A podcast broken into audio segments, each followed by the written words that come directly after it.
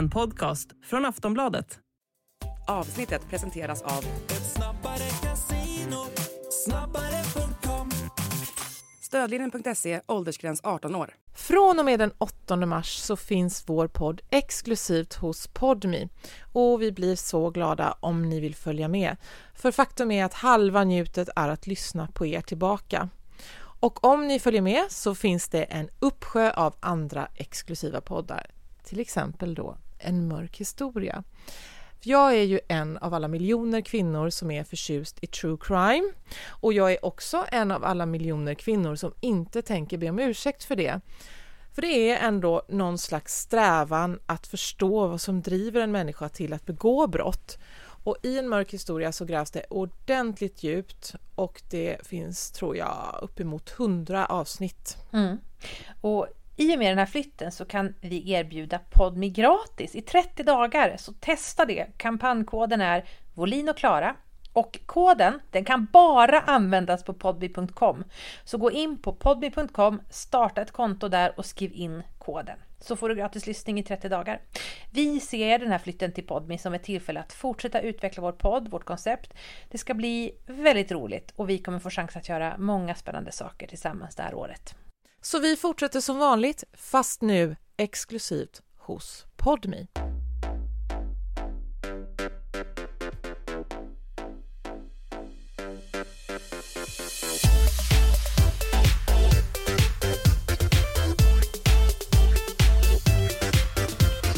Volin och Klara med Malin Volin och Klara Lidström. Efter vårt sminkavsnitt så har jag kommit på en massa saker som jag kunde ha sagt. En sak är något som en frisör sa till mig senast jag klippte mig och det är att man kan ha hårspray i vått hår. Och det är kanske särskilt bra för mig som har så flottigt hår och som får så fettigt hår av alla produkter. Eh, om det sedan är bra för håret att spruta på blött hår med hard hold spray och sen steka det med ett värmejärn, det vet jag inte. Men jag kan bli lite less på det där med att vårda. Det ska vårdas hit och dit. För när man var ung, då skadade man ju utseendet på en massa sätt och sen blev man vuxen och klok och nu vårdar man med vårdande produkter. Men mm. vårdande är ju för framtiden, ditt framtida face. Så att du kan ligga på dödsbädden och säga Jag vårdade mitt ansikte. Ja, mm. men var du snygg under tiden? Ja, men var du det? Nej. Nej. Ja. För jag, jag kan, jag, jag kommer ihåg när jag var yngre att jag kunde tänka jag ska spara hårtvätten till och det är bara ett exempel på just det här ja. att man liksom skjuter snyggheten framför sig. Det är ingen bra idé. Jag bara tycker så här, skada och fräs och gräv och plocka och, och raka så att du är mm. snygg nu. För rätt som det är så mm. dör du. Då, då har du ju ingen snygghet sen ju. Amen. Det gäller för allt utom eh, att sola utan solskydd, för då eh, kanske man också faktiskt dör i förtid, så det är lite onödigt. Men i övrigt håller jag faktiskt med. Jag tycker också att det är överdrivet med, alltså det här, det är så himla mycket så här att man ska vårda sitt hår och man ska knappt tvätta det, man får inte blåsa det med fön och så här. Om inte jag fönar mitt hår med och använder värmeverktyg, då ser det för jävligt ut jämt. Eh, det är ju liksom till exempel när jag har haft, jag hade ju många år, kanske fem sex år när jag inte gjorde något med mitt hår, alltså jag blekte inte, gjorde ingenting så här. Det var ju jättefint i kvaliteten, eh, men det gick inte att styla på nästan något sätt för att mitt hår bara rasade ut. Sen blonderade jag det och det var ju underbart att mitt hår var obehandlat för då var det ju så lätt att blondera och förstöra utan att det skulle bli något fel utan åh vilket underbart obehandlat hår, det ska vi blondera och då plötsligt gick det att styla och göra snyggt för att lockarna inte bara faller ut. Så att jag är 100% med dig. Mm. Men du, mm? lite Margot bara. För jag lyssnade på henne i söndagsintervjun och eh, Martin Wiklin är ju Bay. Men den här gången undrar jag om han vet vem man hade att göra med. Vad tänker du? Varför vill du vara så öppen med ditt liv? Alltså, det är ju som att åka hem till en snickare och fråga varför vill du slå ja. så mycket på den här spiken hela tiden? Jag menar, jag vet. Det, det, jag vet. Det, och det var flera mm. gånger under intervjun som jag tänkte att jag tror inte riktigt att du förstår, eller det är någonting här som är, jag vill inte använda uttrycket lost in translation, men det är det enda jag kommer på med så här kort betänketid i min hjärna. Och, eh, eh, men i alla fall, och generellt så kan man ju säga att Margot, hon ska då ställas till svars som om hon är en kunglighet eller högt uppsatt person i samhället och så fort de har ställt henne till svars så ska hon vidare till nästa studie och få frågan om varför hon är så stor. Och det här blir ju ett sånt sanslöst kretslopp. Och söndagsintervjun sändes på söndagen, tror det eller ej. Och när det knappt hade hunnit bli måndag så Vance Joy här i morgonpasset i P3. Hon slog igenom med en video på sin egen förlossning och har blivit en av Sveriges största influencers. I november förra året blev det kritikstorm mot henne när hon la upp en video på en man som låg utslagen utanför hennes dörr. Hon är mycket mer än så. Hur ställer hon sig till kritiken vill vi ändå undra här nu under programmet när hon är här. Och hur är det nu? Välkommen ingen mindre än influencer och författaren med mera dylikt etc. Margot Dietz är i programmet! Välkommen till Morgonpass. Och så fortsätter det. Och det här är ju inte för att hon har släppt en ny bok om Sydafrika eller att hon ska programleda en ny satsning på kanal 5. Det här är ju som att hon gör en PR-turné om sin comeback på sociala medier, eller faktiskt, det känns nästan som om hon var inbjuden till Morgonpasset med anledning av hennes medverkan i söndagsintervjun. Och så hela tiden detta att media, de, de gör henne, de bygger henne och sen ska de ställa henne mot väggen. Varför är du så stor? För Mm, att ni exakt. precis har gjort henne stor. Jag vet, jag tänkte också på det när han med Martin Wiklin sa, för jag lyssnade också på intervjun att liksom, du är Sveriges största influencer. Det är hon ju ett inte. Hon är en av de största. Men när man hela tiden säger, alltså man gör henne liksom så stor också för att det ska vara mer intressant att diskutera fallet. Eh, så allting är en del av dramaturgin. Och så tycker jag, jag blir så less på den där, jag tycker också att Martin Wiklin brukar göra väldigt bra intervjuer, men jag blir så less på den här frågeställningen som är, som är så här, varför vill du, ja, mm, det här du spelar upp, varför vill du Eh, vad sa han? Nu kommer jag inte ihåg. Ja, det var ju olika varianter av varför vill du synas, varför vill Ja. du visa upp det här? Och, så här, och det är alltid så här, som att det också i sig är en dödssynd. Varför vill du? Alltså jag menar det kan man ju säga till Håkan Hellström eller vem som helst. Varför vill du synas? Varför håller du på att spela musik som ska lyssna? Kan vi sitta och trubadura, trubadura på rummet? Alla som eh, skapar i någon form, vare sig man tycker att eh, liksom det Margot har gjort har någon verkshöjd eller ej, så, så finns det ju en lockelse i att få visa upp det för folk. Och bara för att man då gör det i influencerform så är det allt så här under, undertexten är varför har du ett sånt stort svart hål i ditt inre som bara slukar all bekräftelse? Varför är du, varför vill du visa upp det här som vi andra som är så himla integritets, har så mycket integritet och så värdiga inte gör? Och jag, åh, jag blir lite less på det faktiskt. Mm. Men vet du vad jag landar i efter alla dessa turer och intervjuer sen i november då?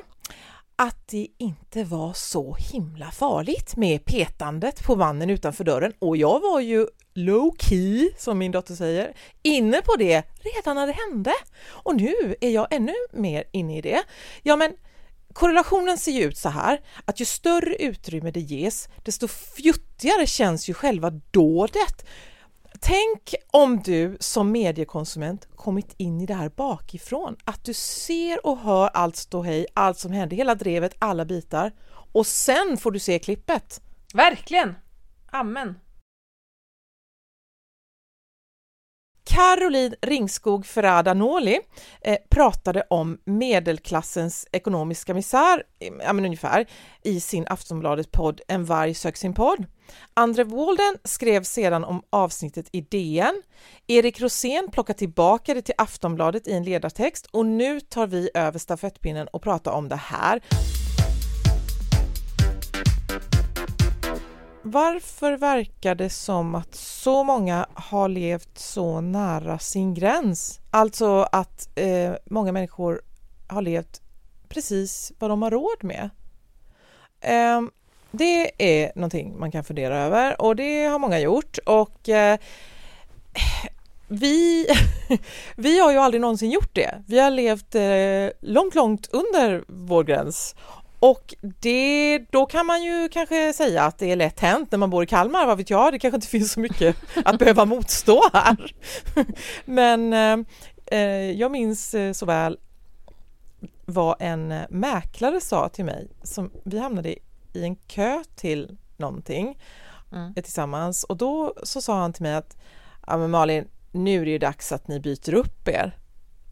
Alltså det vill säga säljer vårt lilla mm. skithus och köper någonting ståndaktigt som som stämmer överens med vad vi har för status i samhället eller vad vi tjänar. Jag vet inte riktigt vad han menade. Han kanske bara menade nu är det dags att ni köper ett hus som är lika snyggt som mm. du är, Malin. Mm. Vad vet jag?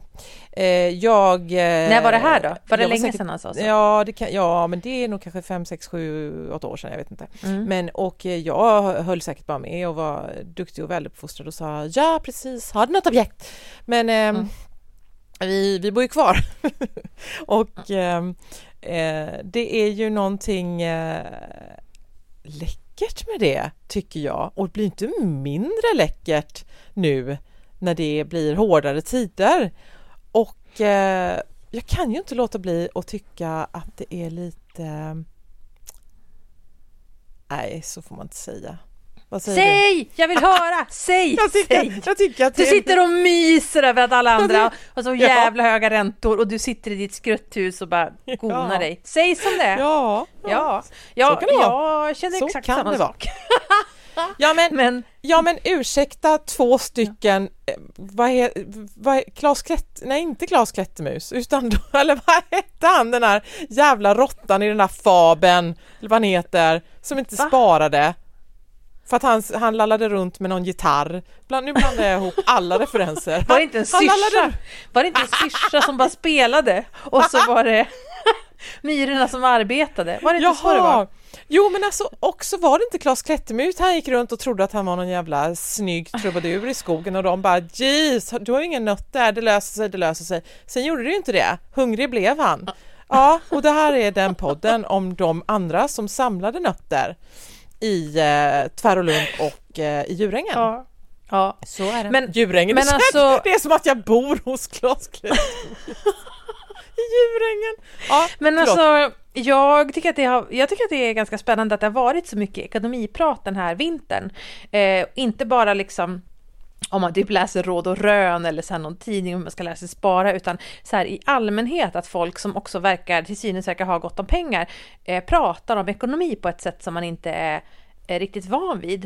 Eh, men det är också lite sorgligt för det känns ju så tydligt att det är först när eh, de som har det ganska gott ställt får det lite kämpigt som det här eh, blir en debatt. Det har varit jättemycket i media eh, om liksom om medelklassen, att medelklassen får det sämre och det pratas om det både i poddar och tidningskrönikor och så. Men eh, samtidigt så är det ju jättemånga som redan har det pissdåligt. Alltså att många skolor har ju svårt att få maten att räcka till på måndagar när barnen kommer tillbaka och är hungriga efter en helg med väldigt lite mat. Alltså någonting har ju hänt i samhället eh, där väldigt många människor inte har pengar. Daniel Suhonen skrev en väldigt bra text om det i Aftonbladet. Eh, och han citerar ekonomen Marcus Kallifatides och sociologen Stefan Sjöberg som räknat fram vad som blev kvar i plånboken när hyran var betald. Och då visar det sig att de fattigaste 20 procenten av befolkningen bara fått 1000 kronor i ökad levnadsstandard på 20 år! Mm. Det är så sjukt! Ja, men det har ju varit i det närmaste gratis att låna pengar och du kan köpa ett hus och det kan du renovera billigare eftersom du kan utnyttja ROT. Du kan städa med RUT, beställa hem mat från en man i rosa jacka och för pengarna du får över så kan du köpa en härlig fredagsbukett att ställa på ditt rutavtorkade bord. Mm. Vanliga människor har kunnat leva så här mm. och när det tar slut, av vilken anledning det tar slut, det, så ja. yras det. Och det är inte, ja. de, det är inte de 20 procenten som ylar.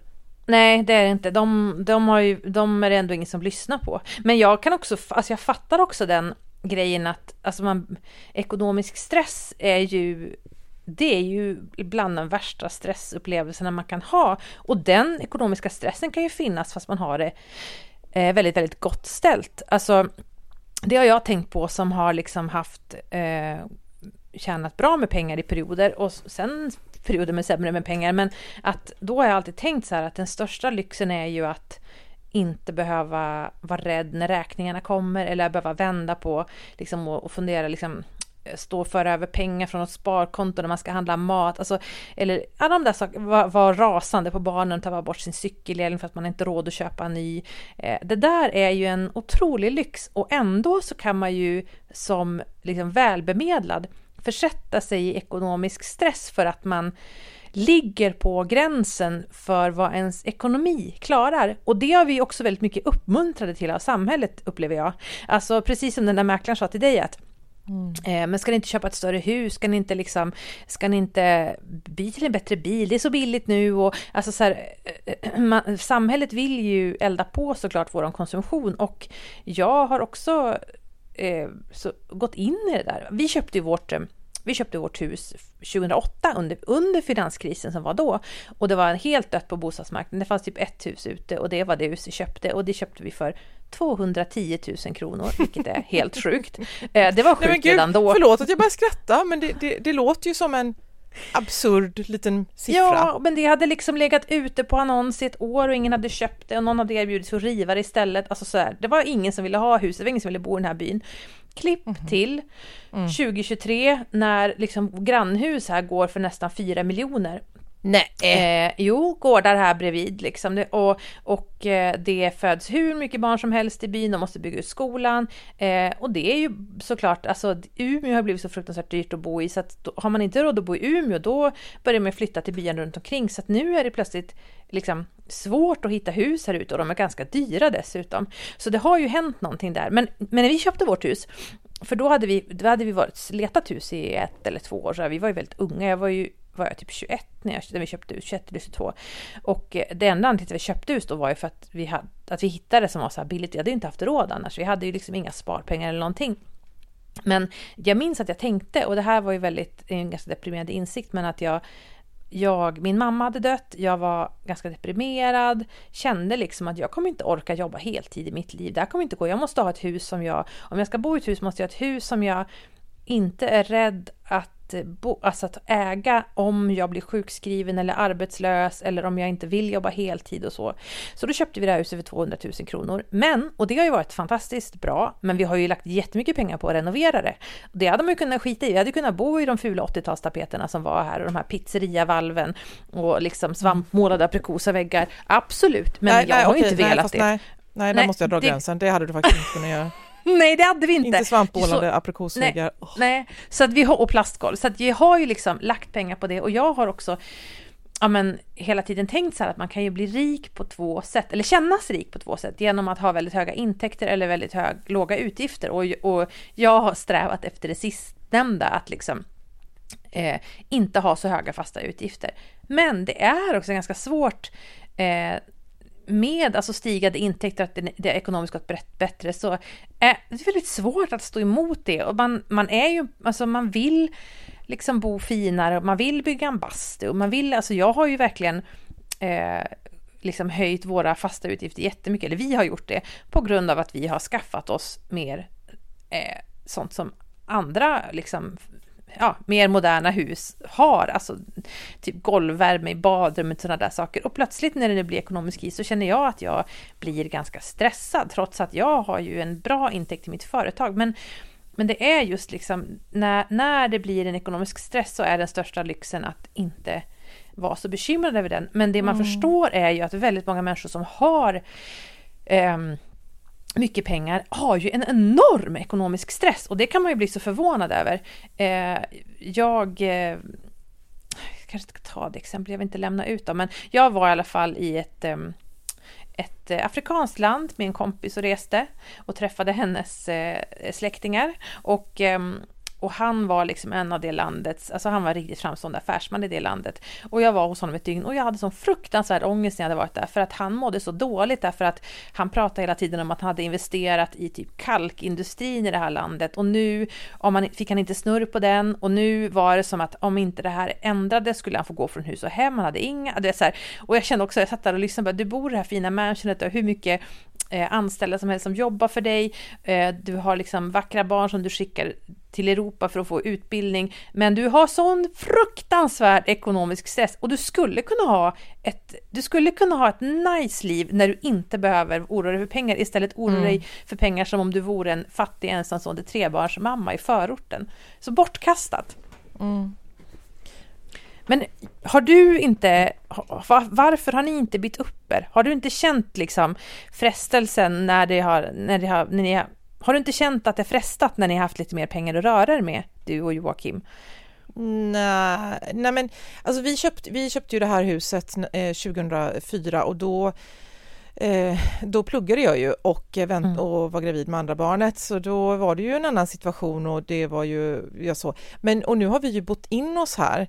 Eh, man kanske tänkte, och det är ju också så sjukt att man tänkte så här, för det, det här är ju ett hus. Det är ett Mm. vanligt hus. Det är inte Mm. som att det är en etta med där man delar bara, det är ett hus Mm. ett hem. Och ändå så var det som att ja men det här är ett bra första hus ungefär. Mm. Vad är det för, för så sjukt Mm, tänk? inställningen. Nej, vi tänkte Ja. kanske inte så men att mer att det här är vad vi har råd med nu. Och sen, inte uttalat men ja, nej men och sen är det ju så att vi har väl varit på lite visningar under åren, alltså vad, vad, vad är det, 19 år sedan vi köpte, vad blir det, 20, ni- ja. Och, och, eh, eh, och då har vi, och då, men det är aldrig något som är lika bra som vårt hus. Så det, är ju, Mm. det skulle vara så himla dumt att flytta när man har det bästa huset. Även Mm. om andra tycker att det är ett litet skräphus. Men då har det ju inte direkt varit en upp off, alltså du har inte varit, du har inte bara gud jag ska downshifta, jag ska, utan du har ändå haft ett gott liv. Fast Men nu, det finns ju ingen äntligen som får har du haft det så upprättelse. bra som jag. Ingen Nej. har det så bra som jag. Är, Mm. Det är så jag tänker när jag vaknar Mm. på morgonen. Och jag bryr mig liksom inte men det är för att man är så gammal nu, att jag bryr mig inte om om någon annan tänker så eller om någon annan, för jag tror att det finns människor som kan tänka att det är synd om mig. Åh, bo i ett, ett radhus i Kalmar och en massa barn, vad trå- det är inget roligt liv. Men det gör ju inte mig någonting. Men en Nej. sak som jag har kommit på med mig själv när jag har ställt mig utanför mig själv och sett på mig själv, det är detta, apropå då vad andra har och så vidare. Det är att jag har tänkt så många gånger att jag förstår inte varför, det, men det här med att titta och nu har de, de har åkt dit och det, Mm. det gör inte vi, eller de har köpt det och det kan inte vi köpa. Så, och då, då är det så att jag förstår inte, jag, för, jag förstår inte den känslan. Vi gör ju inte det. Nej, men skillnaden är ju då att vi, vi gör det inte, men vi skulle kunna göra det. Mm. Mm. Ja. Att ha den känslan är att inte ha möjligheten om Mm. man skulle satsa på det. Nej, och Exakt. då kan jag bli lite trött på mig själv att jag ska behöva vara så pass eh, stor tjej när jag kommer på det, att där i ligger skillnaden. Mm. Att jag inte Ja, tycker, visst. ja nu åkte, nu åkte de till Zanzibar, buhu, det, det gör inte mig någonting. Eh, nej, fast jag skulle kanske kunna göra det om jag ville lägga de pengarna eller om jag hade, ville flyga.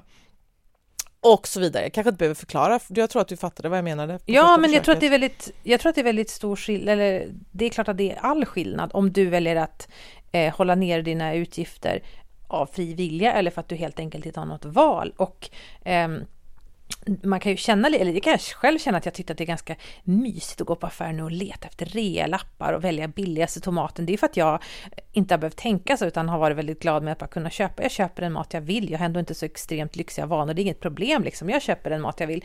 Ehm, men, men att det kan vara ganska mysigt, det är ju bara för att jag inte liksom har hållit på med det i hur många år som helst. Ja. Ehm, och jag tycker däremot tycker jag inte det är så mysigt att tänka på att jag inte skulle ha råd att gå och färga mitt hår så ofta jag vill. Det är liksom inte en rolig grej, det är mer såhär bara, fan då ska jag vara ful också apropå att göra sig snygg nu och inte tänka på framtiden. Alltså det är inte, alltså, men, men att göra de här små, kokettera med att liksom stor kok och bö- bönor och linser, det kan vara ganska mysigt när det är en em, en tillfällig grej. Och det en, en sak som man noterar mycket råd och tips som riktar sig liksom, sp- spara pengar, det är ju verkligen att det riktar sig till människor som, som är som du och jag, som har som har pengar. Alltså, eh, så är det ju alltid att eh, om man har eh, så här, köp storpack. Ska jag köpa storpack välling? Menar du att mina andra barn som inte dricker välling, de ska inte få någon mat den veckan då? För jag köpte välling för ett år. Alltså att köpa storpack, att åka ut till snabbköp och köpa dem billigt, alltså köpa enorma balar med hushållspapper, det kräver ju att man har pengar att lägga på det. Det är självklarheter, men det tänker man inte ofta på, för alla råd utgår från att man har Alltså att man har möjlighet. Det finns ju jättemånga sätt att spara pengar på om du har pengar. Men om du inte har några pengar, vad fasen ska du göra då? Jag, jag tror också att alltså min, min man är ju uppvuxen helt annorlunda än vad jag är. Han, de var fyra syskon. Han hade eh, liksom mycket sämre ekonomiskt ställt. De levde på skuld, hade så här existensminimum, skuldsanering under en, när vi blev ihop. Eh, helt annan inställning till pengar, ganska stor stress kring pengar också ska jag säga eftersom jag var uppvuxen med att eh, inte liksom ha så mycket att röra sig med. Jag har en syster och föräldrar som visserligen inte haft mycket pengar, men ändå varit lärare och sjuksköterskor som har haft så här vanliga, de har alltid haft jobb, alltid haft inkomster och eh, liksom det finns en trygghet där. Och jag märker jättestor skillnad bara i vårt förhållande, alltså vårt förhållningssätt till pengar, att eh, jag eh, när det blir sådana situationer så kan jag tycka att ja, men det är lite mysigt, nu får man tänka, över, får man tänka på pengarna här. Mm. Och, eh, Men Mm. om man verkligen har upplevt riktigt dålig ekonomi så finns det inget mysigt med det eller så här Nej. skrytigt med hur bra man är på att liksom göra restfest på middag eh, till Mm. middag. Liksom. Men det är väl något slags, eh, ja man ska skämmas över det faktiskt. Men också så eh, många eh, känslor som kommer inifrån som man inte riktigt kan försvara kommer Mm. väl från en tid när vi gick på knogen eller så här. Nej men alltså det är väl något grottigt med det här eh, som vi inte har behövt ägna oss åt så mycket då. Mm. Det här att liksom jag nu, jag, nu vill jag tillbaka till Klas Klättermus igen. Ja, men att spara inför vintern Mm. och att vara en korre i ett Mm. hål i trädet. Korre? Ekorre heter det ju. Korre! Ja men, eh, Ytlingskorre och- i dåligt här. Ja. mm, ja, men jag, ja, jag, stod, jag stod eh, på ICA och skulle köpa bakgrejer och då var det någon produkt, om det kan ha varit florsockret, som var en sån hiskelig jätteskillnad på, mellan ekologisk och vanlig. Mm. Och att jag då ens stod där och tänkte, ja men jag tar, eh, jag tar inte den ekologiska, och sen bara kom jag på mig själv, vad för jävla dumheter? Ska jag, oh jag sparade 10 kronor när vi bor i ett hus som kostar 10 kronor. Jag tror att vi kommer klara oss. Så att, ehm, och, och dessutom så, nej men för jag tycker man ser den formuleringen överallt nu. Har du ändrat ditt köpmönster? Har du, eh, eh, tänker du på ett annat sätt i mataffären? Och då, ja de här 20 procenten till exempel i Daniel Sunes text, ja, men, men alla andra, lever man verkligen så in i bomben på gränsen att man står och ändrar sina mat, bet- matinköp? Va?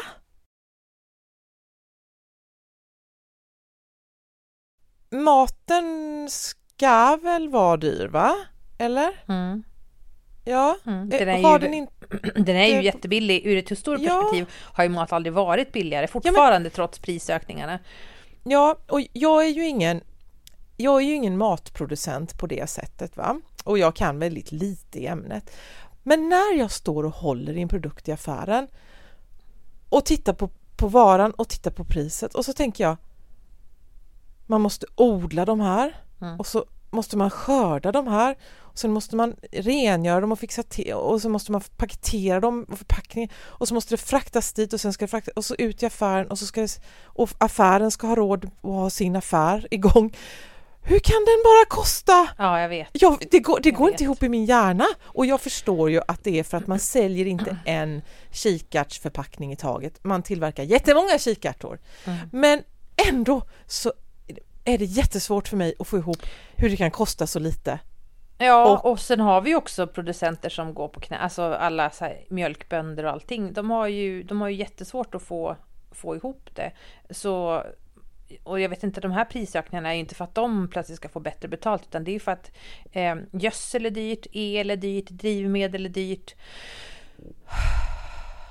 Ja, jag vet inte. Det känns bara som att eh, positivt att vi pratar ekonomi igen. Eller igen, vi pratar ekonomi och hushållsekonomi och ger tips och råd och att folk tänker över sin, liksom, vad de konsumerar. Men innan folk slutar liksom eh, köpa onödiga saker så tvivlar jag ändå på att liksom, det är så dåligt ställt som man kan tro. Jag hörde, jag tror att det var i, eh, i DNs podd, eh, Studio DN tror jag det heter, som de pratade om vilka varor som fortfarande säljer bra. Och det tyckte jag var så talande. Vilka varor har folk inte suttit och handlat i butiken? Då var det eh, godis och trisslotter. och det är ju sorgligt att eh, ännu fler fortsätter köpa trisslotter och hoppas att de ska komma ur ekonomisk knipa. Men också att liksom, nej man vill inte betala för mjölk men vi köper fortfarande jättemycket skräpmat och eh, sånt som man absolut inte skulle köpa om det var liksom svält utan Och- som Mm. ett tecken på överflöd. Och, och, ja, och maten är väl inte för dyr förrän folk slutar kasta den. Nej, precis, exakt. Men jag, jag tänker Men på... jag, jag, är en av de som, jag är en av de som köper trisslotter. Jag köper, Ja, jag köper va? jättemycket trisslotter. Jag kö, du? ibland, köper jag, ja, ibland köper jag tio trisslotter och så ger dem till mamma och pappa för jag vet att om de vinner så får jag pengar. Men det tycker jag är en, det tycker jag faktiskt är en skillnad för att det, min mormor har köpt också väldigt mycket trisslotter, trisslotter och jag har aldrig kommit på tanken att köpa en trisslott. Men det, där är det ju en Det är skill- Nej men alltså jag har kanske fått någon, någon gång och så här men Alltså det är som att jag, där, där finns det en skillnad för att ja, mormor, morfar, mormor var liksom städerska och morfar var murare. Skulle de någonsin få en förmögenhet, alltså liksom ett stort kapital att röra sig med, då skulle det komma från att de vann. Men jag har ju vuxit upp i den generationen där, i alla fall om man driver eget företag, då man känner så här, men det kan jag ju, alltså en förmögenhet får jag ju tjäna ihop till. Då får jag ju bara hålla mig framme och tänka lite smart och så här. Att för mig har det varit mycket mer osannolikt att jag skulle vinna på Lotto än att jag skulle kunna jobba ihop till pengar. Och för dem har det varit precis tvärtom. Nej, men det som kan vara bra med en lågkonjunktur är väl att, att eh, fler personer börjar se över sin liksom, eskalerande konsumtion. För att vi ser ju det att alltså, vi, vi har ju haft, alltså inte alla, inte de här 20 procenten, men en väldigt stor del av Sveriges befolkning har haft alldeles för mycket pengar. Och det ser man ju på att när man då har renoverat sin lägenhet så att den är tipptopp och det är fina tapeter och ett nytt kök och så.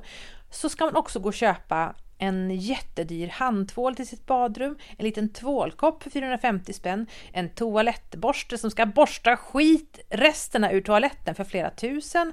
Man ska liksom man ska liksom ha någon rökelse som kostar... Alltså vi har gått in i, i liksom på det, som detaljnivå i våra hem och kan designa dem och välja ut produkter till varenda liten vrå för att vi har haft för mycket pengar att lägga.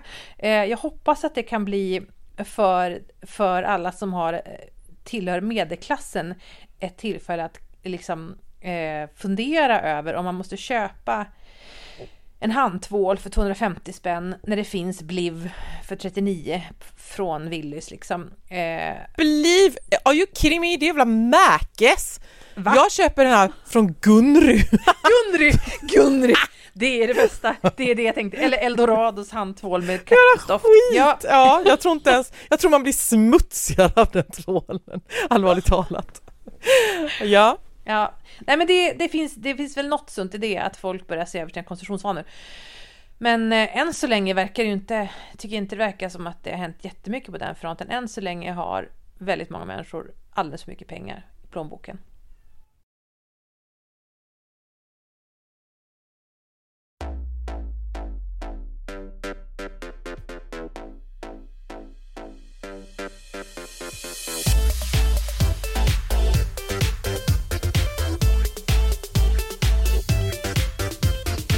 Du har lyssnat på en podcast från Aftonbladet.